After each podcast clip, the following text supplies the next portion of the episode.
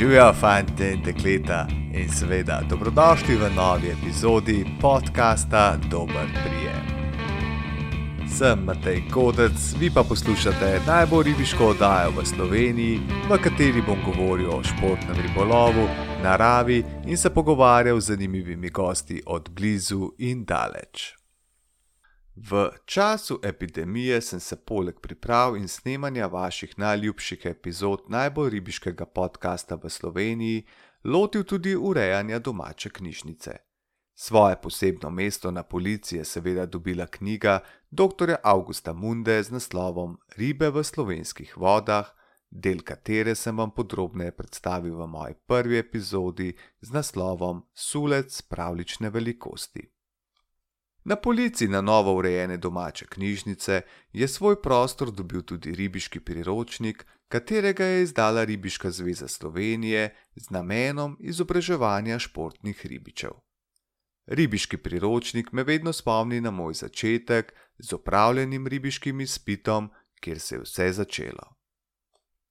Vrnitev na začetek pomeni zame vrnitev k vrednotam, ki v porastu nezadovoljstva in nestrinjanja pomenijo ključ za sobivanje in hkrati rešitev za varovanje ribjih vrst in narave. Zato ne morem mimo tega, da ne bi delil z vami, da se mi je ob listanju in hitremu prebiranju oko ustavilo na poglavju z naslovom Ribiška etika. Povzeto po Wikipediji, ki pravi, da je etika filozofski nauk o morali ali naravnosti, o dobrem in zlu. Razumemo jo lahko kot filozofsko disciplino, ki raziskuje temeljne kriterije moralnega vrednotenja, pa tudi splošno utemeljitev in izvor morale, je skupek moralnih principov. Po nekaterih filozofih pa je etika filozofska disciplina, ki se ukvarja s tematiko človeškega hotenja in ravnanja z vidika dobrega in zlega, moralnega in nemoralnega. Priročnik pravi, da vseh načinov obnašanja ni mogoče pravno določiti in zapisati v normativne predpise.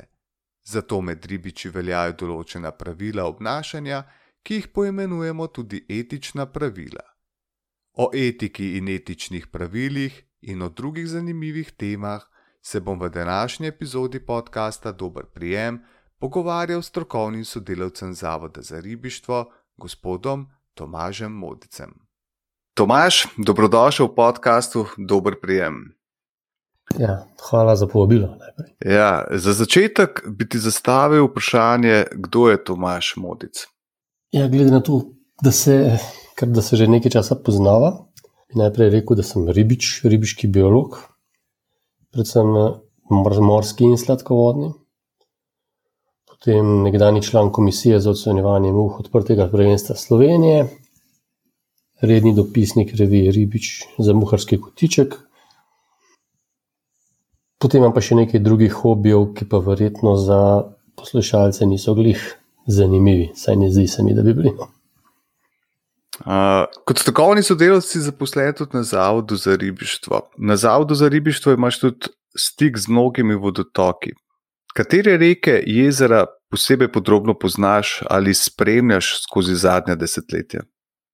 Ja, v vsakem primeru najprej vodotoke, s katerimi upravlja Savo za ribištvo, poleg tega pa še obe Savi, skupno Savo, Idrico s pritoki, Slovensko morje, poznam kar v redu, ostalo poznam malo manj, zelo redko pa so kakšni reviri, ki bi mi bili popolnoma tujino. Verjetno si lovil že več ali manj na vseh takočih rekah v Sloveniji, kjer je ribolov seveda mogoč.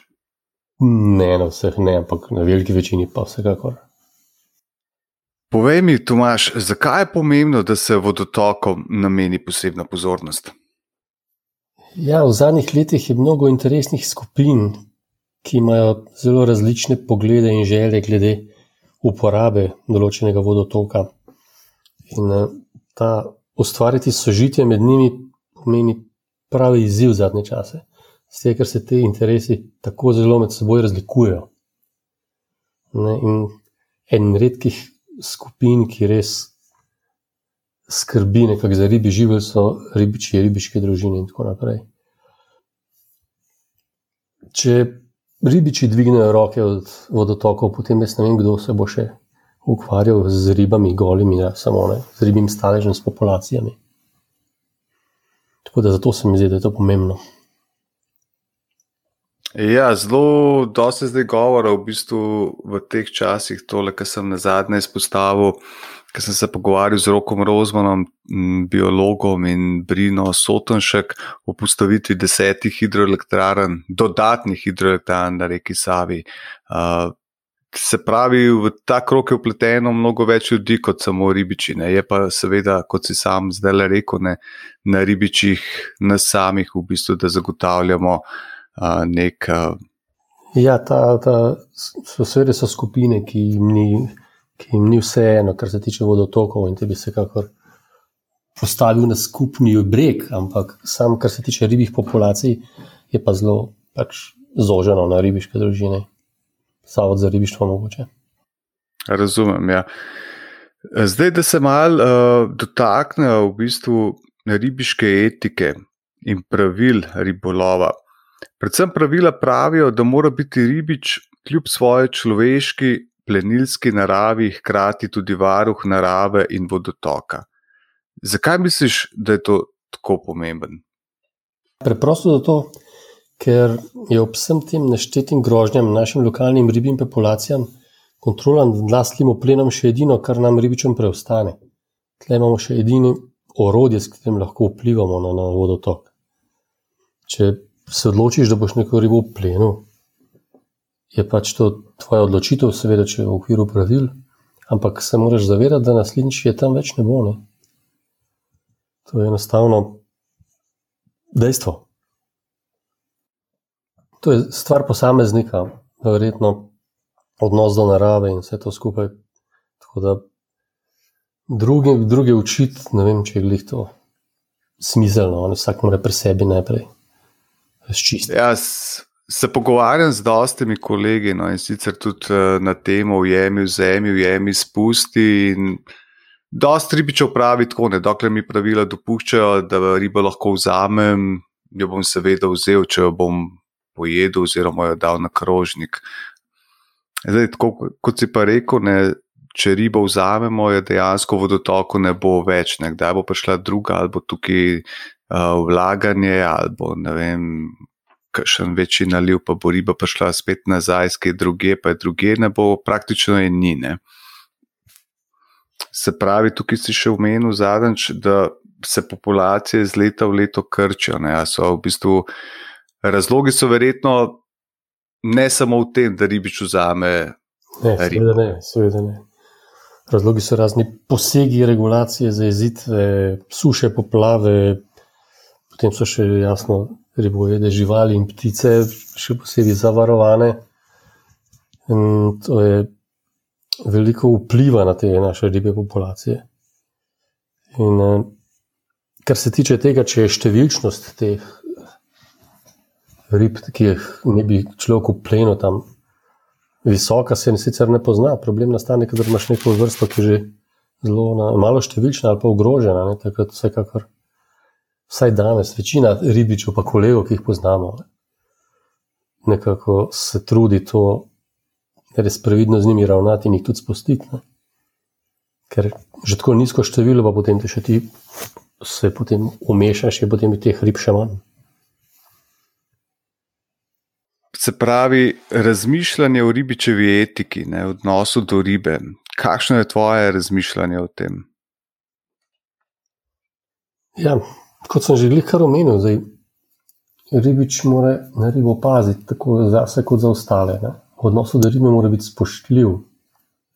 Zato je dobro, da v okviru svojih družin sodelujejo in se zavedajo, kolikšna je vrednost tako mlade, kot tudi odrasle divje ribe. Kako je to v bistvu cena zadeva. V samih teh ribiških družinah in teh drugih uh, društvih zelo veliko delovnih ur v to vložijo, zelo veliko dela in sredstev. In če število zdaj pada, je vsekakor treba na to paziti. Zdaj, če kdo ribo vzame ali ne vzame, je pač odvisno od pravil. Pa tudi, če se je v pleni, je treba pač biti nekako spoštljiv. No. Pač, da čim manj trpijo, vzameš. Jaz ne vidim sicer problema. Problem je, kadar je teh, teh številčnost teh rib nizka, takrat pa potem se to poznane. Mm -hmm. To so prej rekla. Uh, kaj bi pa izpostavil kot ključno temeljno etično pravilo ribiča do ribe? Ja, kot sem rekel, samo spoštovanje bitja samega. To to. Če, če imaš to v glavi, je vse rešeno. Se pravi, ravnanje z ribo, tudi če jo imaš na meni vzeti, se pravi, spoštljivo, oziroma jo humano usmrtiti, oziroma humano vzeti, če se tako izrazim. Uh, že sam si rekel, je tudi pravilno vzeti ribo ven iz vode, ne? Tukaj sem zadnje čase v bistvu res zasledil en kup enih fotografij, ne vem, s pripisom catch and release, vidite, da je riba poškodovana. Zdaj, kakšen je pravi način v bistvu sploh v bistvu ravnanja z ujeto ribo, zdaj, ne glede ali jo hočemo vzeti ali jo hočemo spustiti. No? Ja, pravi način je, da pač se ne poškoduje, da ne trpi, še posebej, če želimo ribo v vsakem primeru spustiti je najbolje, da je skozi vodi, da sploh ne zapusti vode, da je v vodi tudi odpnemo, da ni na, na, na nekih mokrih, na nekih suhih kamnih prodov, če morkoli. In tudi, če fotografiramo, najbolje, da fotografiramo tik ob vodi ali v vodi. V bistvu so najlepše slike direkt pod, pod vodno gladino. Če mislimo, da je to vodna fotografija. Tako. Če pa jo želimo upleniti, je pač čim hitreje usmrtimo, tako da se to naredi, da je to trenutno. Potem je pa še vedno treba zelo spoštljivo ravnati, tudi z uplenjem, bi rekel. No. No, včasih se zgodi, ne, da ima ribič nima namena vzeti ribe, no, pa se kljub temu, ne vem, riba med samim prijemom poškoduje. Oziroma, kdaj so tiste, kdaj so tisti trenutki, v bistvu, ki ribo rečemo, bolje vzeti, kot jo spustiti. No, obstaja nekaj teh uh, takih slučajev. Če vidimo, če vidimo naravnost od prve, da je riba poškodovana, da je nekaj krvaviš, krk, da je nekaj strgano, da je velik, velik ter nek požrla globoko, karkoli, da krvavi. Ne. Da ima rane od zunaj, take, ki jih pač verjetno ne bo preživelo od kakšnega drugega plenilca, ali pa v primeru, da je nekdo ribo dvigoval, ali pa da je se zaletavala po kamnih, padla na kamne. Takrat je nažalost zelo velika verjetnost, da ta riba ne bo preživela, tudi če je spuščena. Zato je pa tudi ni dobro dvigovati. Videl sem neko raziskavo iz Kanade, kjer je pač največ, največja nevarnost, ko se ribo pripelje v plitvino in da se tam sama preko premetava po kamnih, takih večjih, udari z glavo ob kamne. Te ribe so največkrat potem poginile. Tako da ne vidim nobenih problemov, da če se tako ribo potem vzame, seveda v okviru pravilne, bolj kot da tam pogine nekaj brez veze. Se pravi, v tem primeru je dobro, da že prej ribica sam razmisli, kam se bo postavil, kako bo ribo zajel, kako jo bo pripeljal bliže k sebi. Uh, se pravi, v globi vodi, se pravi, bož, da gre v vodo, rečemo do pasu, mogoče še mal uh, višji, tako da v bistvu jo zajema iz više vode. Ne? Pa niti ne, važno, da je približno, da je dovolj, da je riba cela noter, da, je, da ni izbral nekih predelov, so, kjer so skale in da se lahko riba v njih toče. No, no tukaj so v bistvu, prej si mi omenil, si. Se pravi, veliko krat se ribic sreča, da mu zasebna lastnina, ograja ali vrtovi onemogočajo dostop do vode. Kako naj ribič ravna v takem primeru? Verjetno se tudi tebi to že kdaj zgodilo, da si na leto na kakšno vero, se pravi, ograjo, nisi mogel mimo ali kaj podobnega. Ja, se dogaja, se dogaja. To je sicer v Sloveniji dokaj redko, da je, da je rečna brežina ograjena ali kaj takega. Takrat jaz osebno jo probujem zaobiti ali po vodi ali okoli. Načelno se to po naši zakonodaji ne bi smelo dogajati. Moraš imeti pravico, da ob, ob vodnem bregu lahko se giblješ. Je pa problem v tujih državah, to pa sem naletel na to. Še posebej v ZDA, tam se zelo resno jemljete privatno lastnino in brez izkušenega vodiča se ti lahko tudi streže po življenju. Ne. Ni to neka stvar, ki bi jo z lahkoto imel, pri nas je pač to drugače. V tujini pa je treba biti veliko bolj pazljiv. Ja, to ti lahko potrdim, se pravi, iz pripovedi svojih strank, predvsem, kot si rekel, iz Združenih držav, je res uh, nevarnost, da komu prečeš, rečemo, zasebno lastnino te kje počaka s kakšnim revolverjem za vogalom in ti streže po življenju, uh, kot na divjem zahodu. Uh, Kaj pa meniš o tem, da nekateri ribiči, naprimer, zasedajo dostopne odseke rek, kjer se po pravilu tudi veliko rib zadržuje in recimo na njemu ustraja dve ali pa tri ure več? No? Ja, vedno so bili ti predeli rek, ki so bili nekaj bolj bogati, mogoče bolj poribljeni ali karkoli, so bili vedno bolj is, vedno iskani. In, eh, načelno smo se mi vedno ravnali po pravilu, da tisti, ki prvi pride, prvi pač melje. Samo drugi prišli, kar karkoli, tisti, ki pridejo za njim, bi morali to upoštevati. Zdaj, če ti ustrajaš in ustrajaš na istem mestu, tudi nekako ni v redu. Še posebej, če pride nekdo, ki verjetno si želi ta isti del preloviti zelo pošteno bi bilo z naše strani, da se takrat nekako umaknemo, še posebej, če vidimo, da je kakšen od starejših ali pa zelo mladih prišel na to mesto in ustrajati na nekih takih zadevah, se mi zdi neravno pravilno. Zdaj, velik problem je, da si nekdo doma pred odhodom na ribolov že zamisli, kje bo, lepo sam lovil in kaj. Potem pa pride tja, pa je zadeva zasedena. Ne? In eh, če ima dovolj znanja in izkušenj, ne vem, samo zavesti, da gre drugam, je v redu. Lahko pa da ne hoče na vsak način tam ustrajati, in potem je lahko pride nekaj konfliktov, nepotrebnih. Tako da mislim, da je veliko tudi v samem neznanju. No. Če bi ljudje bili pripravljeni iti drugam, poznali, raziskovati druge predele, bi bilo teh konfrontacij bistveno manj. Ja, to se dogaja predvsem na obremenjenih delih rek. No, jaz se spomnim vem, mojih začetkov muharjenja, oziroma ja, muharjenja. Tudi moj mentor, s katerim sem začel loviti, mi je rekel: da začneva tukaj in se počasi pomikava dol vodno, oziroma gor vodno, se pravi, sprostiva plet, če pride kakšen za nama, se pravi, ne, se ne zadržujeva na prostoru predolgo časa, tako da res ob enem preloviva večji del sekcije oziroma reke, po drugi strani pa da tudi možnost, rečemo, ribiču, ki prija za nama. No. Uh, tako da se strinjam s tem, ja, da včasih ja, res. Če lahko samo tole, ko se premikaš, ne, ko se vidno premikaš, ali gor vodno ali dol vodno, je nekako nepisano pravilo med muhari, da se ne prehitevamo. Ne. Če pa se prehitevamo, se prehitevamo tako, da nismo vidni razdalji. Nikakor ne gremo v nekoga prehitevati v smeri, kjer se giblje in potem njemu pred njim v vodo. Pa še razdalja med, med muharji ne bi bila vsaj na razdalju same vrvice ali meta. Ne. Tako da nekako obstajajo zadeve že jasne, samo pri nas ne vem, očitno ljudje jih tega ne vedo.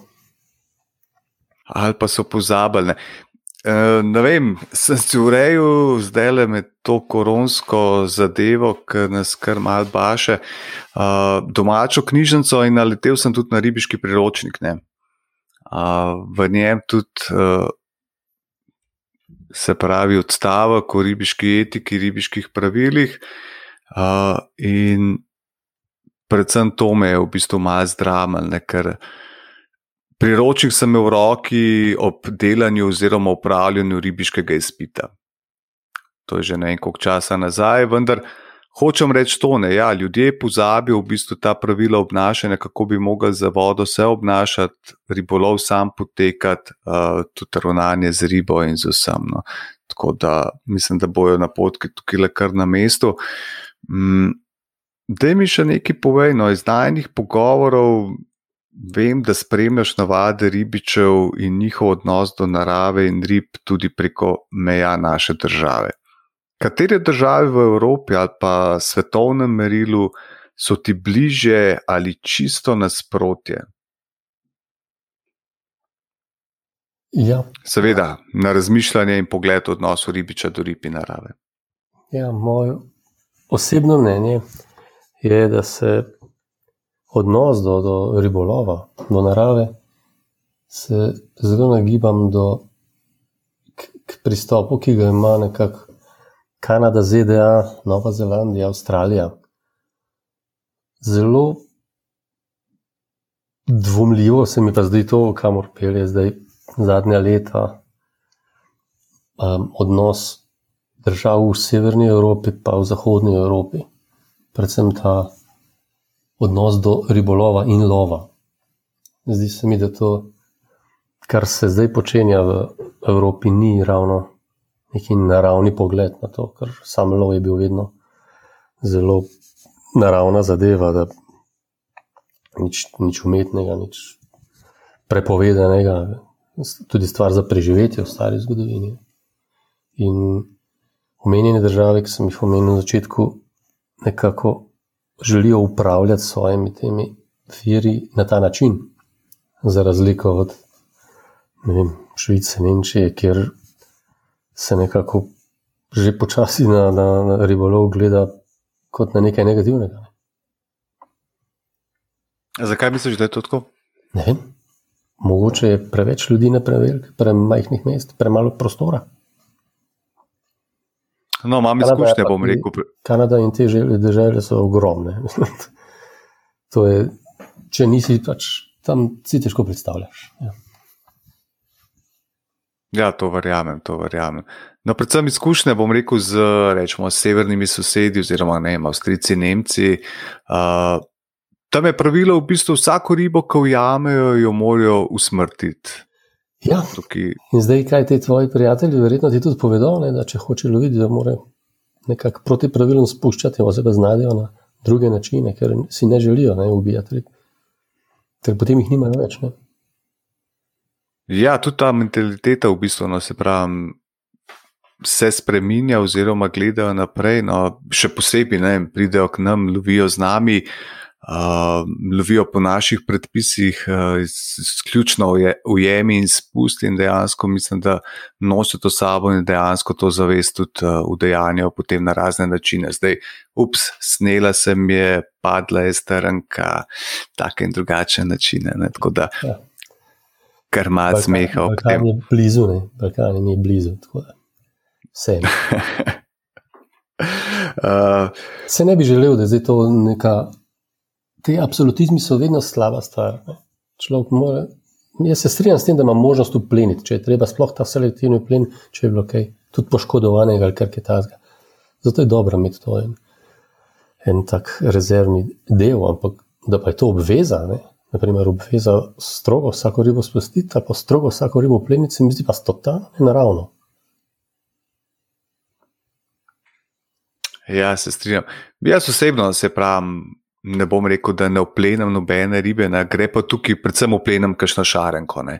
Zdaj je lipa na potočnem postaru, um, tega se ne dotaknem, oziroma to gre se nazaj v vodo. Verjetno s tem ni nič narobe. Se pravi, nekateri pravijo, da je šarenka v bistvu za nakrožnik. Se imamo znane revirje, ker je pač razne akumulacije in to, ker so že tako rahlo devastirani, da za to namenjeni. Jaz ne vidim nobenih problemov. Tako. Z namenom uložijo, bom rekel, ja, za potrnek. Tako, ja. Potrnek, tako je. Ja. Uh, Umenil si tudi Balkan. Uh, zdaj, pa rečemo Ameriko, pa Kanado, pa Nemčijo, Švico. Zdaj, katero državo, oziroma katero izmed držav bi pa lahko v tem pogledu lahko primerjal Slovenijo? Ja, tako kot so že rekla, najprej naše južne sosede, ki so nam precej podobne po staležih. Um, od teh tujih, kjer sem bil, so se večinoma zelo razlikovali in po upravljanju, in po populacijah, po ribjih vrstah. Še najbolj blizu Slovenije je bil Vels. Tam sem bil že večkrat in vsakeč vedno znova sem presenečen, kako je pokrajina podobna Sloveniji. A pokrajina te je najbolj navdušila vode? Vode so pa svojstvene, rahlo. Mi nismo vajeni, da voda ni bistra, so pa iste vrste rib, noter, tako da razen ne, soške pač. Potočne lipan, šarenke in tako. Hribov Se je. pravi, Še posebej- so resnično navdušeni, ko pridejo potem v Slovenijo in imajo priliko loviti, rečemo, na alpski reki, kot je Soča in podobne. no. To ti verjetno bolj veš zadnje leta, ker pride sem človek iz teh predelov ali pa iz severne Evrope, iz Skandinavije, kjer je običajno ta sicer čista, ampak ne bistra voda, ne? ker vidiš vse do dna, pride na soče bohinko rado in se pač to je za njega vrhunec. Tako bistre vode še običajno, običajno ne vidi doma. Ne? Ja, se tudi vrhunec za me, v bistvu, vedno, ko se pripeljem čez vršič dol do lepene, je to res eh, drug svet. No, tako da uh, se strinjam res s tabo. Uh, se počasi bližava koncu najnega pogovora, da mi še povej, oziroma imaš kakšen nasvet ali sporočilo za poslušalce podcasta Dober prijem. Ja, kar sem ti že povedal prej, kar se tiče ribolova, imam samo ta predlog, da ribiči ne prisluhnejo vsem, poslušajo pa le sebe. To bi bilo to. Samo sebe, Ja, svojega notranji, svoj notranji glas. notranji glas, kaj ti v tistem trenutku reka poje, oziroma kaj slišiš. Uh, Tomaš, hvala ti za tale pogovor. Hvala tebi.